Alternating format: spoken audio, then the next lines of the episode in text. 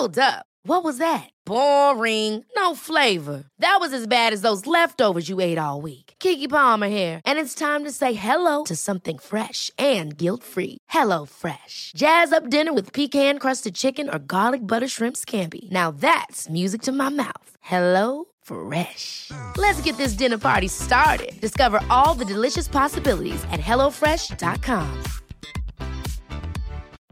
Life is full of what ifs. Some awesome, like what if AI could fold your laundry? And some, well, less awesome, like what if you have unexpected medical costs?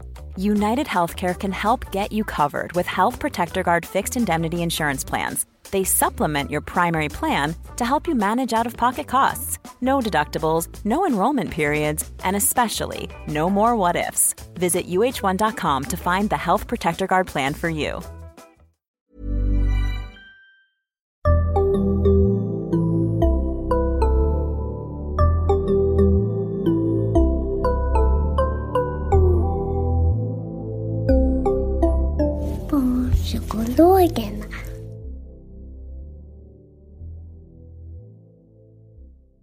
Välkomna till Barnpsykologerna, en podcast med Liv Svirsky och Lars Klintvall.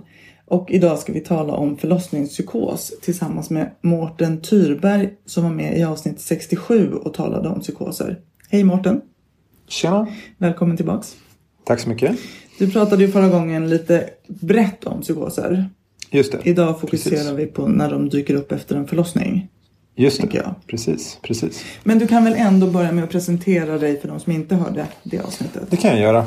Jag heter Mårten Tyrberg och jag jobbar som psykolog och psykoterapeut på psykiatrikliniken i Västerås. Och eh, jobbar med eh, psykiatripatienter inom slutenvården främst. Och sen forskar jag på halvtid om psykoser och eh, psykoterapi kan man säga.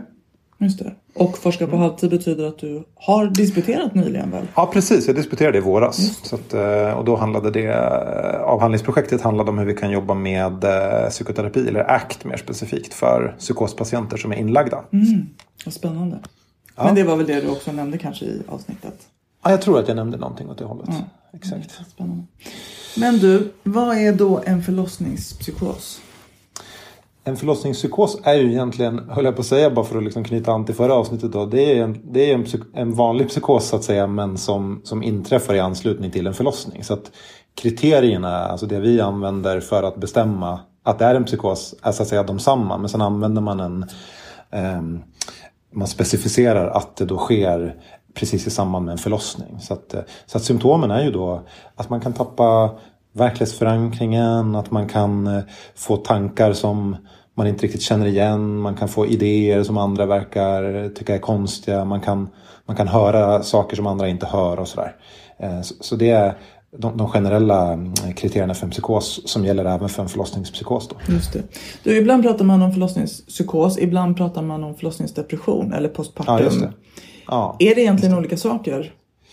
Nej, alltså egentligen på sätt och vis är det det eftersom att en psykos då har, har de här lite mera udda inslagen som jag nämnde då med att till exempel höra röster och sådär. Men samtidigt så brukar man säga att och kanske i synnerhet när det gäller efter en förlossning då att det är näst, nästan mer som en slags glidande övergång då mellan Ja, men egentligen mellan det som man kanske mer skulle kunna kalla för någon slags förlossnings... Eh, ja, på engelska kallar man det för blues. Jag har inte något bra svenskt ord. Men att man känner sig lite nere efter en förlossning. Vilket ju är väldigt normalt.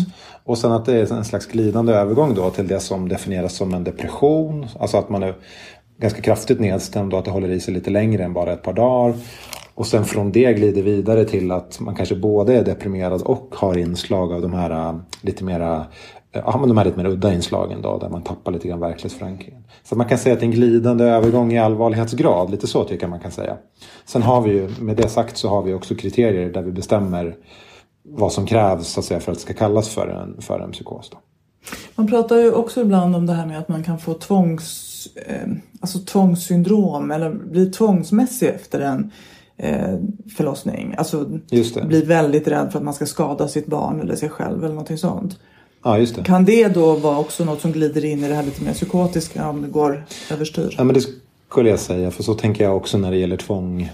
Även frånsett förlossning så att säga att även där är det ju liksom en glidande övergång. Där man har, vid tvång är man ju oftast medveten om att det man har är överdrivet och att, man, att det egentligen inte är farligt det man tror är farligt så att säga. Fast sen behöver man ändå göra sina tvång. Eh, och vid en psykos, ofta är det ju så att man inte är riktigt medveten om eh, att det man tycker och tänker är lite udda så att säga. Just det. Ja. Du, vad, vet man hur många som drabbas av förlossningsrelaterade? Det vet Ja men det vet man. Alltså när det gäller depressioner då och, då och då är det frånsett det här som sagt det man kallar, kallar för en mer lite smådeppighet efter förlossning är en sak. För det, det har jag inga siffror på direkt men det är väldigt vanligt. Men det som definieras som en depression, depression det brukar man säga någonstans mellan 13 och 15 procent av alla kvinnor som, eh, som föder barn drabbas av en sån depression. Så det är rätt. Det är, mycket. Det, det är vanligt får man säga. Mm. Så mer, mer än var tionde. Är det ofta kvinnor som har varit deprimerade tidigare? Ja, alltså det är ju en av de tidiga, det är ju en av riskfaktorerna mm. för depression. Det är ju att man har tidigare depression. Både antingen tidigare depression oavsett graviditet eller inte men också om man har varit deprimerad eller haft mycket ångestproblem under graviditeten så är det också en riskfaktor för eh, att få en depression då i samband med själva förlossningen. Um, om man har haft en förlossningsdepression vid tidigare förlossning just? Är det då ja. stor risk att man får det igen? Ja, då är det också relativt stor risk. Eh, jag tror att jag tror att... Eh, jag ska se om jag har någon siffra i huvudet sådär. Eh, det är ganska stor, alltså det är en ganska rejält större risk för att få det nästa gång om man har haft det en gång. Mm. Så, så kan man säga. Och är det samma då med psykos? Ja, precis. Mm. Sen ska jag säga att psykos är mycket, mycket mindre vanligt än depression. Mm. Alltså om vi säger att det är eh, drygt var tionde kvinna som får en depression så är det bara en på tusen ungefär som får en, eh, en psykos. Och det är ju inte så, så, det, många, det är verkligen, nej men så det är mycket, mycket ovanligare. Eh, men och det är samma sak där, ska man ha, är det vanligare om man har haft en tidigare psykos? Ja, både om man har haft tidigare psykos och också om man har haft det som kallas för bipolär sjukdom. Det är alltså en blandning mellan eh, episoder av nedstämdhet och episoder av lite mer uppvarvning. Sådär. Mm. Det vet man också är kopplat till att kunna få en psykos eh, vid förlossning. Mm. Det är liksom sådär Alltså även bipolaritet överlappar ju en del med det vi kallar för psykos också. Mm. Så, att, så att många av de här sjukdomarna liknar ju varandra eh, på vissa sätt. Då. Så då vet man ja, bipolaritet, tidigare psykos.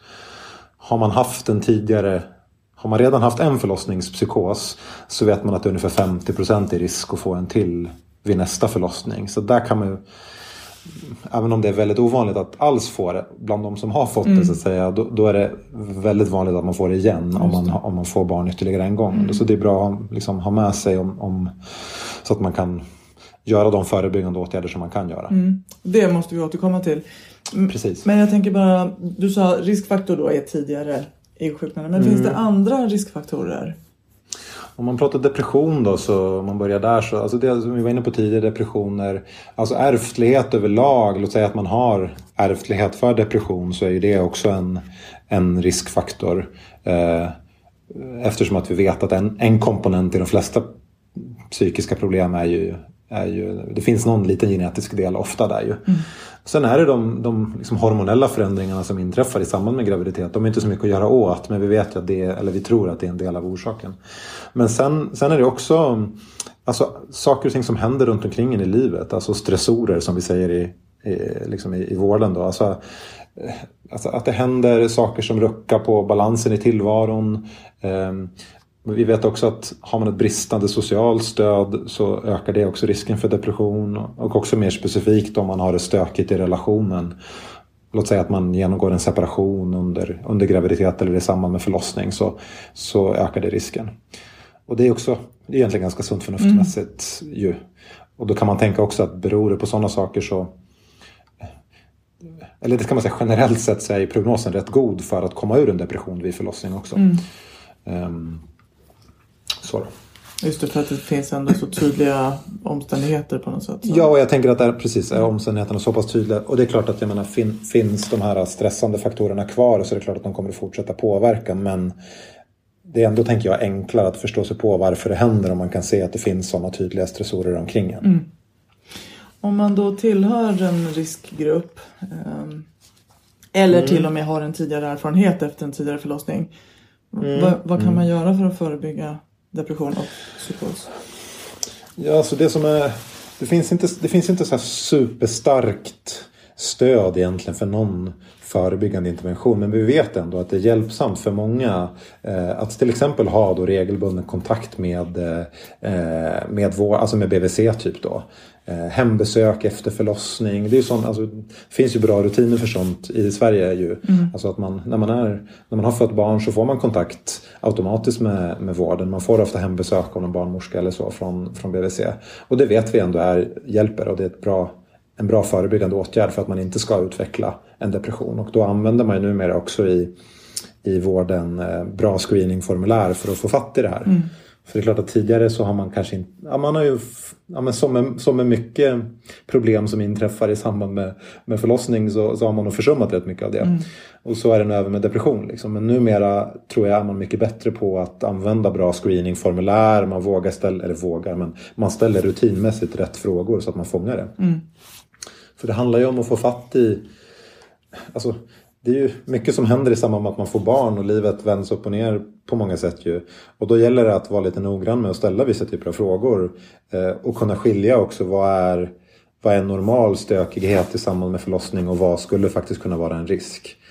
En, en sån sak till exempel är ju att ja, fråga lite grann om aptit, fråga om sömn.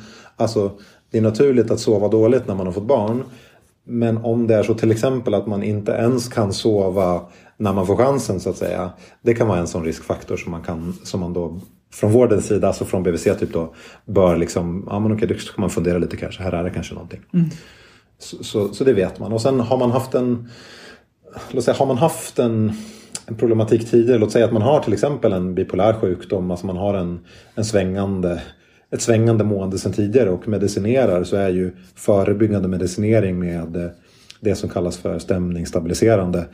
Det brukar man säga är en bra preventiv åtgärd också då för, eh, för att slippa få en förlossningspsykos till exempel om man går över till psykosdelen. Då. Men sen, sen är det alltså mer generella att, att, att försöka ha ett, alltså, har man ett gott nätverk så kommer det hjälpa. Ha ett gott stöd hemifrån, det kommer att hjälpa. Sen är det inte alla som kan styra över det naturligtvis.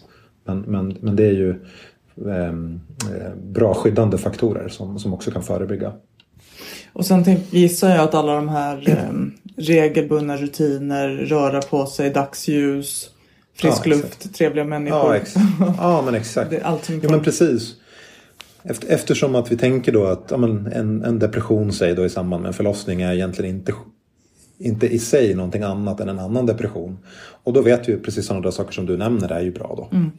Och även när man har fått den så att säga som, som en del av behandlingen, vi kommer väl in på det, men även där tänker jag då är det ju sådana saker som aktivering och försöka hitta tillbaka till sånt som skapar mening i tillvaron är ju också behandlande och, och eh, kan, kan göra att man kommer ur eh, depressionen. Det jag ändå tänker att eh, som är lite intressant för du nämnde det här med, med stämningsstabiliserande medicinering. Mm. Mm. För det som många tror jag är oroliga för är ju just det här med kan man äta sådana här mediciner när man är gravid? Mm. Um, och det som jag tycker att jag har lärt mig är att ja, det är bättre än att man mår då, mm. att man får en psykos eller en depression. Ja, verkligen. Um, och det är väl klart att eh, nu är inte mm, liksom de, de precisa eh, liksom, hur, de, hur olika specifika mediciner fungerar i det avseendet är inte mitt expertområde. Men det är precis som du säger att och i synnerhet om, om man har fått okej okay från sin läkare att äta det då, då är det nog ett gott råd att göra det tycker mm. jag. Och inte vara orolig för att det ska bli något problem för det har ju vården bra koll på. Mm. Eh, så.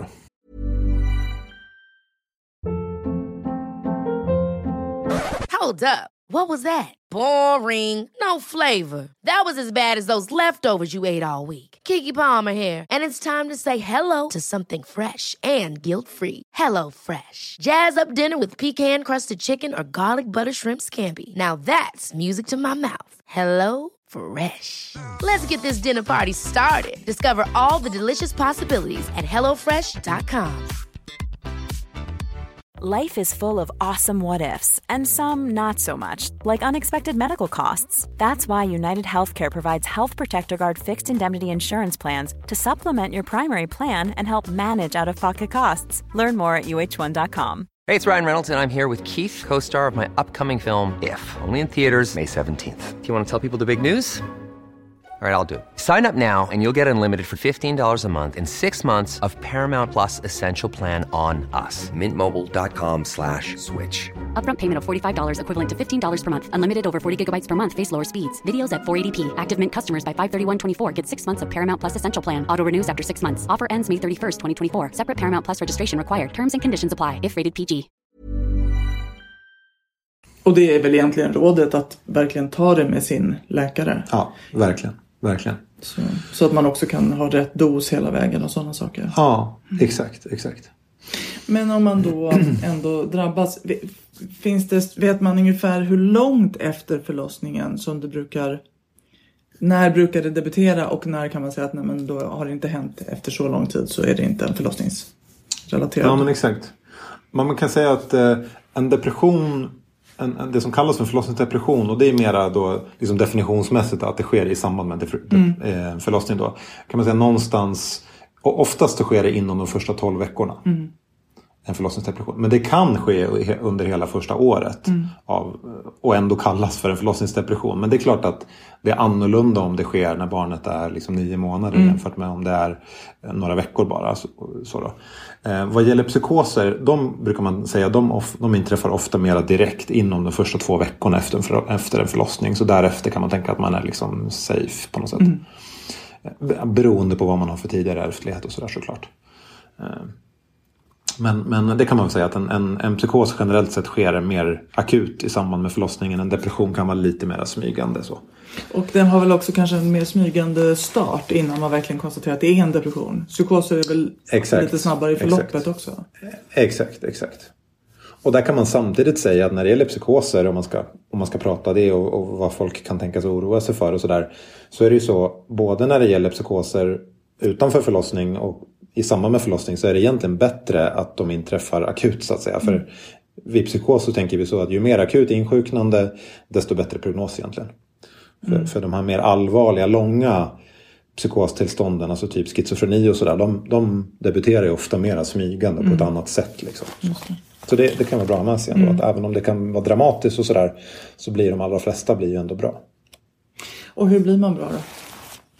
Ja men precis, alltså vad gäller om man börjar med depressionen där så är det egentligen på samma sätt som vi vet när det gäller så att säga, vanligare depressioner. Och då är det ju dels, dels eh, antidepressiva läkemedel vet vi kan fungera för, för en del. Eh, terapi fungerar för en del, en del behöver en kombination. Eh, det är så bo, både när det gäller terapi och, och medicin för depression så, så, funkar det inte på alla men många får hjälp av antingen det ena eller det andra. Mm. Så då är det varianter av det som kallas för SSRI till exempel, preparat. Och sen vad gäller terapi så vet vi att både KBT, alltså kognitiv beteendeterapi, funkar. Vi vet ju numera också att en del av de här moderna psykodynamiska terapierna, korttidsterapierna, kan fungera väl för, för depression också. Mm. Och det gäller egentligen detsamma vid förlossningsdepression som det gör vid vanlig. Mm. Sen är det klart att, låt säga vid en terapi så kommer man ju såklart att fokusera mer, alltså pratet i terapin blir annorlunda såklart om Eftersom att man är på ett ställe i livet där man precis har fått barn. Så det kommer märkas på så sätt. Mm. Men annars är ju de principer som vi som terapeuter använder är ju de samma. Och då handlar det ju mycket om att eh, aktivera sig på områden som är meningsfulla. Få koll på rutiner för mat och sömn och motion och, och, och sådär. Just det. Och sen när det gäller eh, psykoser, där får man säga, där är det framförallt eh, farmakologisk behandling som, som används. Eh, och I alla fall det jag har lärt mig när, alltså när man läser på om förlossningspsykos så är det det. Men sen kan man väl nämna ändå tycker jag, för vi vet ju när det gäller annan psykosproblematik att där har vi ju stöd för att använda också kognitiv beteendeterapi framförallt då som tilläggsbehandling till, till psykofarmaka. Och jag skulle gissa att det går att göra även vid en förlossningspsykos då. Men, men de flesta förlitar sig nog mest på psykofarmaka där. Mm. Alltså medicin då. Just det. Och det funkar också för de flesta. Mm.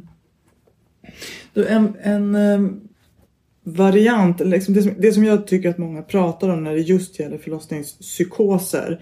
Det är ju mm. det här att man, känslan av att inte älska sitt barn. O, ja. Eller osäkerheten på om man älskar sitt barn. Och också rädslan för vad de här eventuella sjuk, eh, sjukdomstillstånden, liksom, eller, alltså depression eller psykos hur den, den ska komma att påverka den framtida relationen till barnet. Är det liksom ja, kört om man inte knyter an direkt och inte liksom är, är Just det. där riktigt psykiskt det. i början. Just det, just det. Ja, alltså. Jag tänker man kan säga så här. Det är klart att ehm, det är klart att det, man kan säga att det finns en viss risk för att hur man själv mår kommer att påverka barnet och att, att relationen och interaktionen med barnet blir påverkat. Men jag tycker samtidigt inte att man behöver vara så superorolig för det om det inte blir en långvarig problematik. Vil, vilket det oftast inte blir. Alltså både Både förlossningsdepression och förlossningspsykos kommer de flesta ur med behandling inom, inom en rimlig tid. Liksom.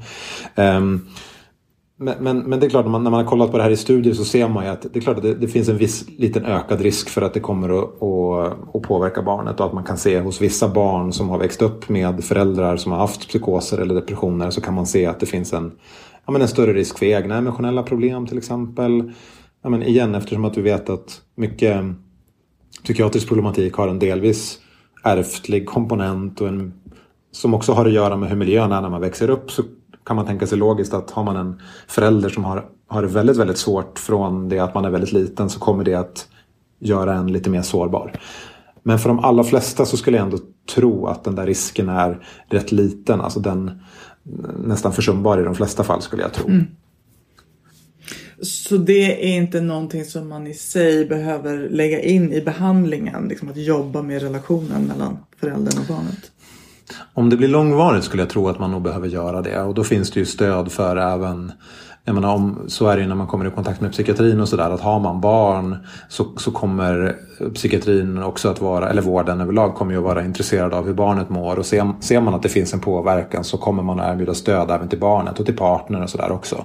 Eh, så att blir det långvarigt så kan jag tänka mig att då kan man nog behöva kanske stöd i det. Man kan behöva ja, men, hjälp i hur man interagerar på ett bra sätt med sitt barn och också hjälp att hantera, ja, men som det här du nämnde, att känslorna inte riktigt är som man tycker att de borde vara. Man känner kanske inte riktigt den kärlek som man tycker att man borde och så. Det kan man ju jobba med. Jag tänker att det kan man jobba med liksom acceptans för under en period i alla fall. Och sen kommer ju för de allra flesta de där känslorna att ja, men, komma på plats när man ger det lite tid. Så att jag, jag tänker man ska, man ska inte helt vifta bort risken men jag tycker inte heller att man ska, man ska inte, man behöver inte oroa sig supermycket för det tycker jag. Du, jag känner nu när vi pratar att jag på något sätt har fokus på att det är den, eh, den förälder som har burit barnet som drabbas. Men hur ser Ja, det ut? Är ja. det bara den föräldern? Nej men alltså det är också vanligt att partnern, alltså oftast är det papporna man läser om det men jag tänker att det spelar egentligen ingen roll könet på partnern men, men man kan, i de studier som har gjorts så kan man säga att ungefär 10% av alla pappor också drabbas av någon variant av, eh, av depression. Psykos skulle jag säga är mindre vanligt eftersom att det har en mera men dels är det så pass ovanligt även hos mödrar plus att det har en mycket mera eh, en starkare genetisk komponent än vad, än vad depression har. Så jag skulle, jag skulle tro att det är mer kanske depressioner när vi pratar om här. Men där är ju också det alltså rätt vanligt då. Så typ var tionde pappan då, eller var tionde partner eh, får också eh, men en, en, nå- någon slags depression i samband med, med förlossningen. Då. Det tänker jag är en lite ännu mer kanske bortglömd grupp. Ja men verkligen, verkligen. Som, Men också skulle jag säga i de allra flesta fall en väldigt behandlingsbar depression. Liksom, som, som ändå är så, ja, men den är reaktiv liksom, på den här händelsen. Och då, då är det enklare för oss i vården oftast att, att se hur den går att behandla. Och, och många av dem ger ju också med sig med tiden. Jag. just det, av sig själva. Ja, men det är bra att ha med sig precis som du säger. Att det, det, det tänker nog inte många på. Det är ju ett allmänt, ja, men som sagt, ett allmänt lite försummat område. Verkligen. Men så. Ja, ehm, det känns ju som att det här är ändå ett område som, som man skulle behöva prata Jag tycker att man träffar ganska många nyblivna föräldrar som har hållit tyst om sitt mående. Ja, Av skam, känslor och ingen, Ja. ingen frågade man vågade inte säga själv och så. Nej. Ehm, och hur viktigt det är att de här frågorna ställs eftersom vi vet att det är så vanligt. In, och som du säger, in, menar, det, det är vanligt med depression men nästan alla har bluesfasen. Exakt, exakt. Så, Och det tror jag ändå, jag, jag, eller jag vill tro i alla fall att det blir mer och mer känt så att säga bland, alltså definitivt i vården, det får man verkligen hoppas, men också bland, alltså bland blivande föräldrar och sådär, att det finns ändå hos de flesta en, en kunskap numera om att det, det kommer att kunna hända och det är någonting ganska normalt. just det. Sen är det klart att det, då blir det också klart att det kanske också orsakar en oro att så här, när man vet om att det kan hända så kanske många också oroar sig för att det ska hända. Det är baksidan av det. Men mm. jag tror ändå att det är bra med medvetenheten för då kan man vara, man kan vara beredd, man kan, man kan preppa lite redan innan. Och har man, jag menar, I bästa fall i alla fall så har man ju en partner som man har en bra relation med och då tänker jag att man också tillsammans kan prata om att ja, men sådana saker som att det är viktigt, alltså det säger väl sig självt, men att det är viktigt att hjälpa varandra, det är viktigt att ge, att ge varandra tid för vila, det är viktigt att hjälpa varandra och se till att få i sig käk och i den mån det går liksom bibehålla rutiner för träning och sånt där. För all, allt sånt där vet vi ju förebygger och hjälper så att säga. Det både förebygger depression och annan problematik och det inte botar så men det hjälper en att komma ur en mm. problematik också.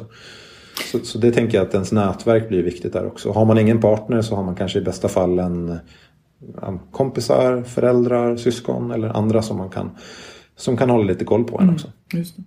Mm. Ja, vad bra. Det där tänker jag det är viktigt, viktiga tillägg. Eller hur? Ja. Är det något mer som du tänker att det här borde man säga om ämnet?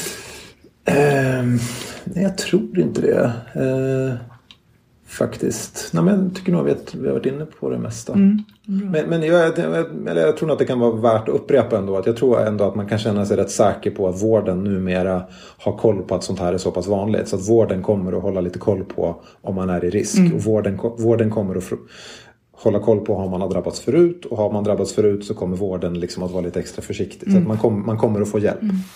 Och har man inte det men känner av det här så kommer ja. vården att ta emot den om man kommer att berätta att man behöver hjälp. Ja. Det är väl också en ja. viktighet. Ja. ja. Om man inte får frågan så berätta. Ja. För ingen precis. kommer att bli förvånad när man säger att man mår dåligt. Nej, så. precis. Mm. precis. Mm. Ja, men vad bra. Finns det någon bok man kan tipsa om som handlar om det här? Alltså jag har ingen jättebra sådär faktiskt som jag har hittat utan jag tycker att det finns alltså eh, Eh, jag har svårt att hitta liksom tillgängliga, så här allmän, allmän tillgängliga böcker från facklitteraturen. Men, men då tycker jag liksom att man, man kan söka, det finns rätt bra information på typ 1177 och liknande sådana. Jag tycker man, får, jag tycker man ska hålla sig till sådana här ja, men, officiella mm. sajter så att säga. Där kan man ändå vara säker. Och sen så, såklart så finns det mycket bra forum man kan läsa i också. Men, men jag tycker också att det kan vara bra när det gäller faktadelen. Att kolla på 1177 eller så, då får man liksom korrekt fakta om förekomst och risker och sånt där. Och sen mm. kan man använda forum och sådär till, att, till att hitta stöd från andra föräldrar och sådär. Mm. Mm, jättebra tips. Så, ja, så tänker jag. Stort tack Mårten för att du var med oss idag. Ja, tack själv. Jättebra att få höra allt det här. Eh, och tack till er som har lyssnat. Eh, vi kommer snart med ett nytt avsnitt och tills dess så följ oss på Facebook där vi heter Barnpsykologerna och Instagram där vi heter Barnpsykologerna understreckade podd. Tack, hej!